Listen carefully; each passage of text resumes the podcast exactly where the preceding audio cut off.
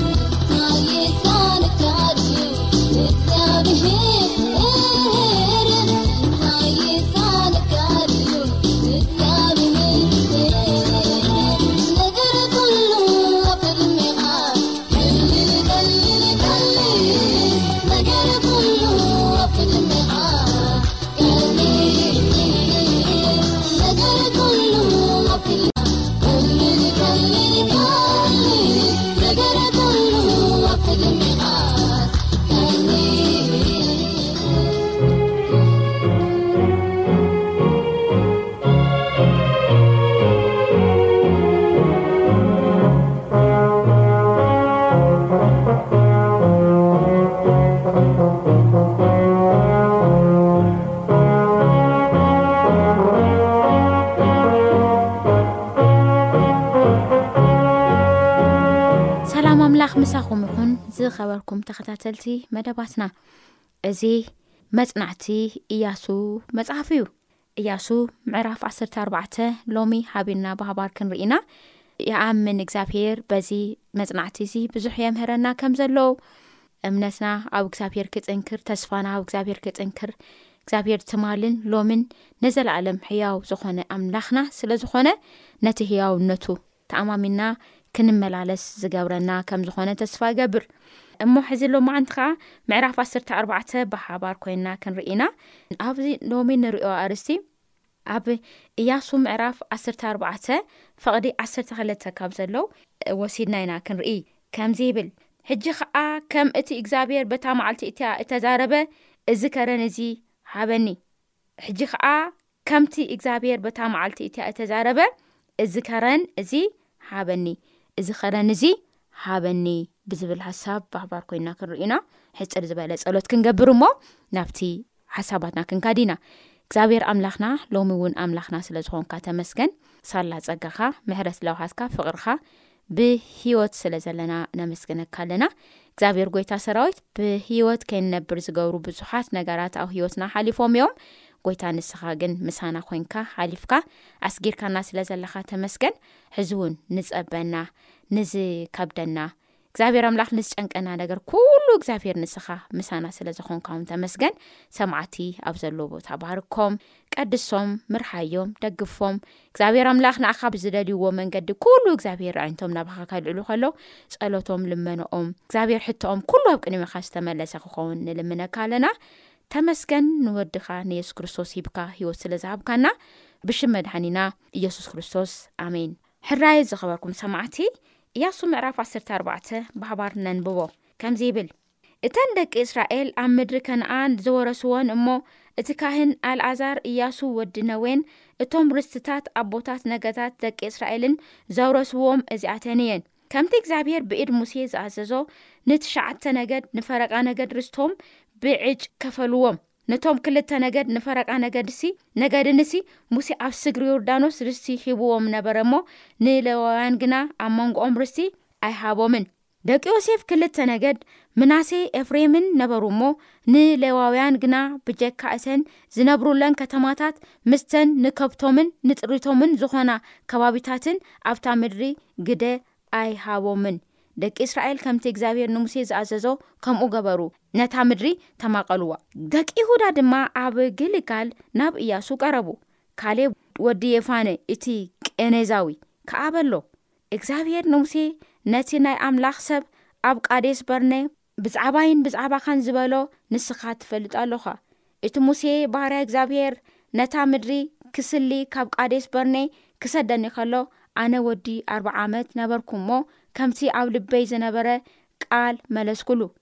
እቶም ምሳይ ደይቦም ዝነበሩ ኣሕዋት ንልቢ እቲ ህዝቢ ኣሸበርዎ፣ ኣነ ግና ንእግዚኣብሄር ኣምላኸይ ፈጺመ ሰዓብክዎ። ሙሴ ድማ በታ መዓልቲ እቲኣ ንእግዚኣብሄር ኣምላኸይ ፈጺምካ ስለ ዝሰዓብካዮ፣ እታ እግርኻ ዝረገጸታ ምድሪ ንኣኻን ንደቅኻን ንዘለኣለም ርስቲ ትኹን ኢሉ መሓለ። ሕጂ ድማ እንሆ፣ እቲ እስራኤል ኣብ በረኻ ኪመላለስ ከሎ፣ እግዚኣብሄር ንሙሴ እዚ ቃል እዚ ካብ ዝነገሮ፣ ከምቲ ዝበሎ፣ እግዚኣብሄር እዘን ኣርብዓኣን ሓሙሽተን ዓመታት ብህይወት ኣጽነሐኒ፣ ሕጂ ከኣ እነሆ ኣነ ሎሚ ወዲ ሰማንያን ሓሙሽተን ዓመት ኮይነ ኣለኹ። ከምታ ሙሴ ክልእኸኒ መዓልቲ ሎሚ ከኣ ሓይለይ ከምኡ ኣሎ። ንውግእ ኮነ ንምውጻእ ኮነ ንምእታው ኮነ ሓይለይ ከምቲ ሽዑ ዝነበሮ ሕጂ ሓይለይ ከምኡ ኣሎ። ሕጂ ከኣ ከምቲ እግዚኣብሔር በታ መዓልቲ እቲ ስዛረቦ እዚ ከረን እዚ ሃበኒ ዓነቃውያን ዓበይትን ዕዱዳትን ከተማታት ድማ ከም ዘሎዋ ንስኻ በታ መዓልቲ እቲኣ ሰሚዕካ ኢኻ እሞ፣ ምናልባሽ እግዚኣብሄር ምሳይ ይኸውን፣ ከምቲ እግዚኣብሄር ዝበሎ ከኣ ክሰጎም እየ። እያሱ ድማ ንካሌብ ወዲ ያፍኔ መረቖ፣ ኬብሮን ከኣ ንርስቲ ሃቦ። ካሌብ ወዲ የፍኔ እቲ ቀኔዛዊ ንእግዚኣብሄር ኣምላኽ እስራኤል ፈጺሙ ስለ ዝሰዓቦ፣ ኬብሮን ክሳዕ ሎሚ መዓልቲ ርስቱ ዀነት። ቀደም ስም ኬብሮን ቂርያት ኣርባ ነበረ። ኣርባ እቲ ኣብ ማእከል ዓናቃውያን ዓቢ ዝነበረ ሰብኣይ እዩ፣ እታ ሃገር ድማ ካብ ውግእ ዓረፈት። ኣሜን። ኢያሱ ምዕራፍ ዓሰርተ ኣርባዕተ እዚ እዩ ዝመስልና። ኣብዚ ቦታ እዚ ኣብ ኢያሱ ምዕራፍ ዓሰርተ ኣርባዕተ ዓሰርተ ክልተ ከም መእተዊ ከምቲ ዘንበብናዮ ጎሊሑ እዚ ንርእዮ ገጸ ባህሪ መን እዩ? ካሌብ እዩ። ካሌብ መልዕሊኡ እቲ ዝገርም እቲ መወዳእትኡ ግን መስተንክራዊ ብዝኾነ መንገዲ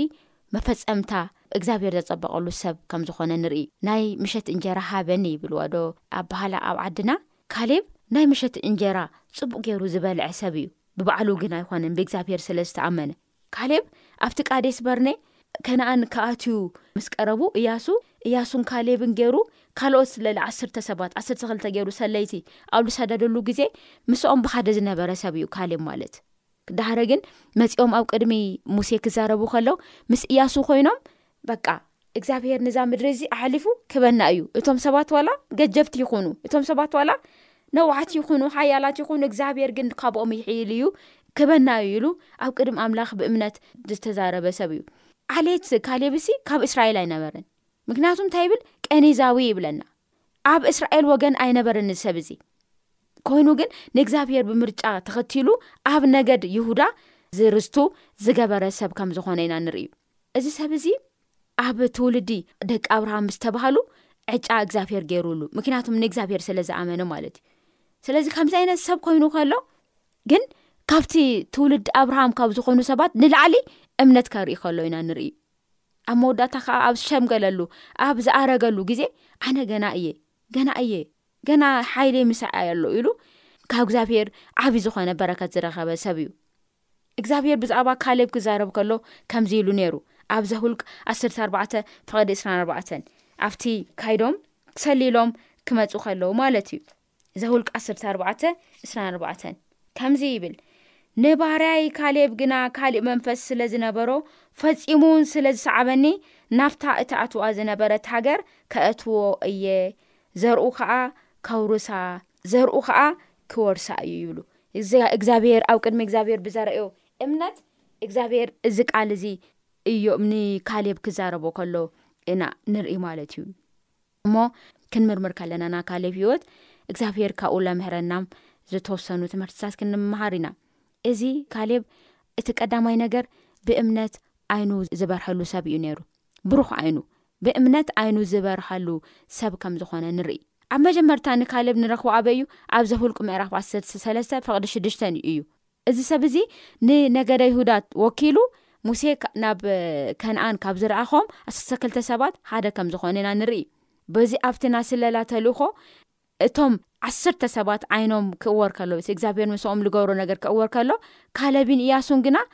ዓይኖም በሪሁሎም ከም ዝነበረ ኢና ንርኢ።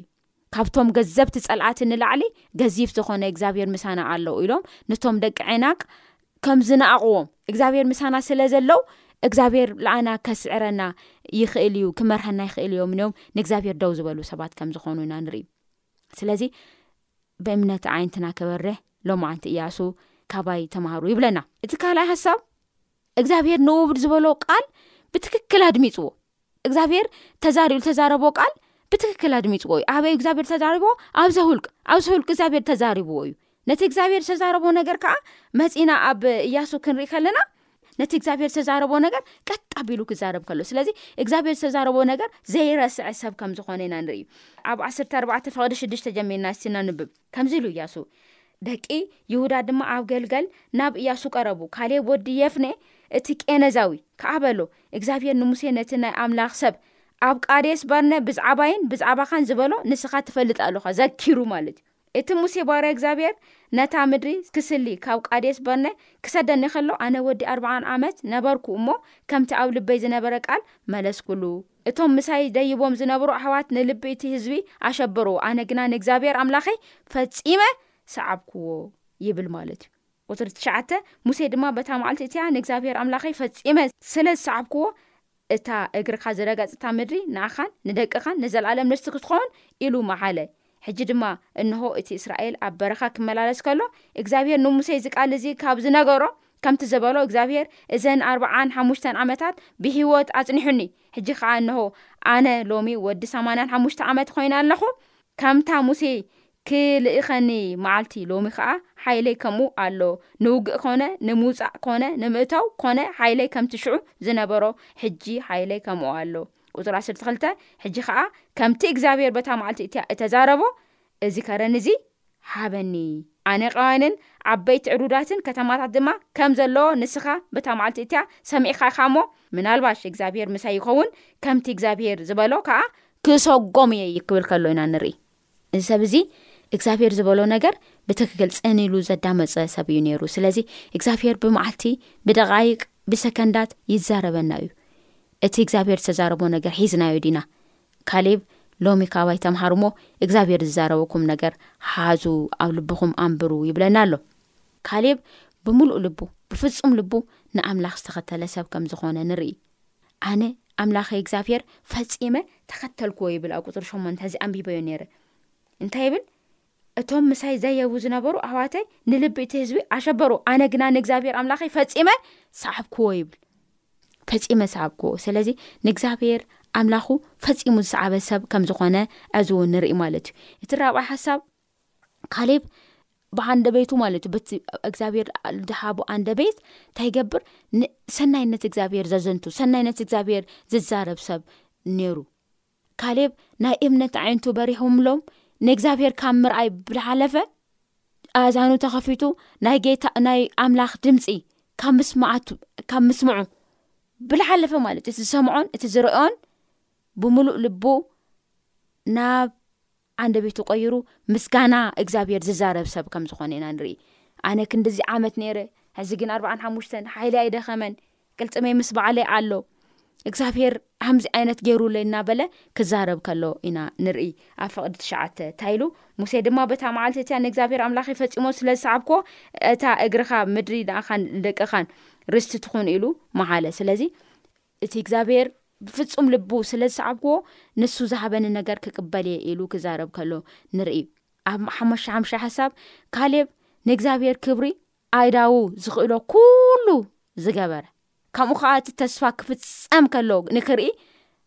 ንጽበይ ነበረ ንእግዚኣብሔር ኮይኑ ግን ብዘይ ስራሕ ዝተቐመጠ ሰብ ኮየኾነ ኢዱ ዝመኮሮ ኩሉ ላሰርሐ ነቲ ተስፋ እግዚኣብሔር ግን ይጽበይ ዝነበረ ሰብ ከም ዝኾነ ንርኢ ሓደ ካብ ካሌብ ህይወት ክንመሃሮ ልግበኣና ነገር እቲ ዘገርም ነገር ኣይዳዉ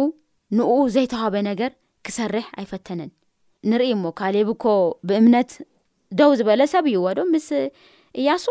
እያሱ ኣብቲ ስልጣን መጺኡ እያሱ መራሒ ኮይኑ ካሌብ ከኣ ዋእ ተኮይኑ እግዚኣብሄር ብሓደ እንዲና ኔርና ብሓደ እንዲና ተኣሚንና ኢሉ ነቲ ናይ እያሱ ስልጣን ንክምንዝእ ወይ ብቅንዒ ኮይኑ ወይ ብሽርሒ ክሓልፍ ከሎ ኣይንሪኦን ኣነ ካብ እያሱ ብምንታይ እየ ልንእስ እግዚኣብሄር ልምንታይ እዩ ንኣይ ለይረኤን ኣይበለን ነታ ተስፋ ተጸቢዩ ግን ምስ ሰገረ ንዮርዳኖስ እግዚኣብሄር ዝሃበኒ ተስፋ ኣሎ ነዚ ተስፋ እዚ ሃበኒ ኢሉ ከም ማንኛውም ሰብ ልግብኦ ክሓትት ከሎ ኢና ንርእዩ ስለዚ እቲ ዘይተዋህቦ ነገር ክወስድ ኣይሞከረን ሎሚ ዘይተዋህበና ነገር እቲ ኣብ ኢድና ዘሎ ነገር ገዲፍና እቲ እግዚኣብሔር ዝሃበና ነገር ብተስፋካ ምፅባይ ገዲፍና እቲ ዘይተዋህበና ነገር ክንምርምር ክንፍትሽ ክንሕንደ እንዳኡ ግዜና ኢና ናሕልፍ ዕድመና ኢና ናሕልፍ ካብኡ ከዓ ናብ እርግና ናብ ሞት ኢና ንኸድ ማለት እዩ ካሌብ ሂወት ግን ሎሚ እንታይ ይብለና ዘይተዋህበኩም ነገር ኣይትተንኪ ይብለና ማለት እዩ እቲ ካልኣይ ነገር ከዓ ካሌብ ብጉልበቱ ዝምብርከ ከምኡ ከዓ ነቲ ከረን እዚ ንዓይ ሃበኒ እናበለ ንእግዚኣብሔር ኩሉ ሻዕ ዝልምን ዝጽልይ ሰብ ከም ዝነበረ ኢና ንርኢ። ንምንታይ? ምክንያቱ ጸሎቱ እዩ ናብ ተግባር ኣምጺእዎ። ናይ ካሌብ ጸሎት ከኣ ብፍርሒ ዝተመልኣ ኣይነበረን። ነቲ ከረን ነዚ ንዓነቅ ሰባት ዝነብርዎ ቦታ ንእግዚኣብሔር ንክብሪ እግዚኣብሔር ክብር ኣነ ተቆጻጺረ ክነብር እየ ስለዚ ሃበኒ ኢሉ ብእምነት ዝወጸ ሰብ ብጸሎት ዝወጸ ሰብ ከም ዝኾነ ንርኢ። ኣብኻ እግረይ ናብ ዝረገጾ ከይደ እቲ እግዚኣብሄር ኣብ ኢደ ክህበኒ እዩ፣ ነዚ ቦታ እዚ ክወርስ እየ ኢሉ ብእምነት ከም ዝወፀ ኢና ንርኢ። ድሕሪኡ እያሱ ኸዓ ወዲ ነወ ንካሌብ መሪቑ ከም ዝሰደዶ ኢና ንርኢ። ስለዚ ዝኸበርኩም ስድራ እግዚኣብሄር ኣብ እግዚኣብሄር ቆራፃት ክንከውን ብፀሎት ንእግዚኣብሄር ክንፅበይ ተስፋ እግዚኣብሄር ብእውነት ሒዝና ክንፅበይ ዘይናትና ዝኾነ ነገር ከዓ ኣይናትናን ኣብ ናትና ዘይኾነ ነገር ከይንቋምት እዚ ስፍራ እዚ ይነግረና ማለት እዩ። እሞ ሎምዓንቲ ናይ መወዳእታ ጸሎት ጌርና ነዚ መደብ እዚ ክንዛዘም ኢና። ዘለዓለማዊ ዝኾነ ርስቲ ክትህበና ቃል ዝኣተኸልና እዚ ቃል እዚ ትፍጽመልና ዝኾንካ ልዑላዊ ዝኾንካ እግዚኣብሔር ኣቦና ንካሌብ ዝሃብካዮ ዝተፈለየ መንፈስ ባኦኡ ህይወት ጌርካ ከኣ ንኣና ስለ ዘምሀርካና ትምህርቲ ነመስግነካ ከም ካሌም ከኣ ትናትና ዓይን እውን ክክፈተልና ካብቲ ኣብ ምድሪ ዘሎ ገጀብቲ ነገራት ንላዕሊ ንስኻ ልዑል ዓብይ ምዃንካ ርኢና ክንመላለስ ኣእዛንና ክፈተልና ኣዒንትና ክፈተልና ናትካ ሓሳብን ናትካ ትልምን ክነድምፅ ክንርኢ ጎይታ ርድኣና እቲ ናትካ ሓሳብ እቲ ናትካ ትልሚ እቲ ናትካ መደብ ልብና ክክተል ክትሕግዘና ንልምነካ ኣለና። ኣንደቤትና እግዚኣብሔር ኣምላኽ ላንቃና እግዚኣብሔር ኣምላኽ ናትና ናትካ ሰናይነት ኩሉ ሻዕ ክዛረብ ካዓ ርድኣና ጉልበትና ኣብ ቅድሜኻ ኩሉ ሻዕ ኣብ ጸሎት ክንብርከ ካዓ ርድኣና ከም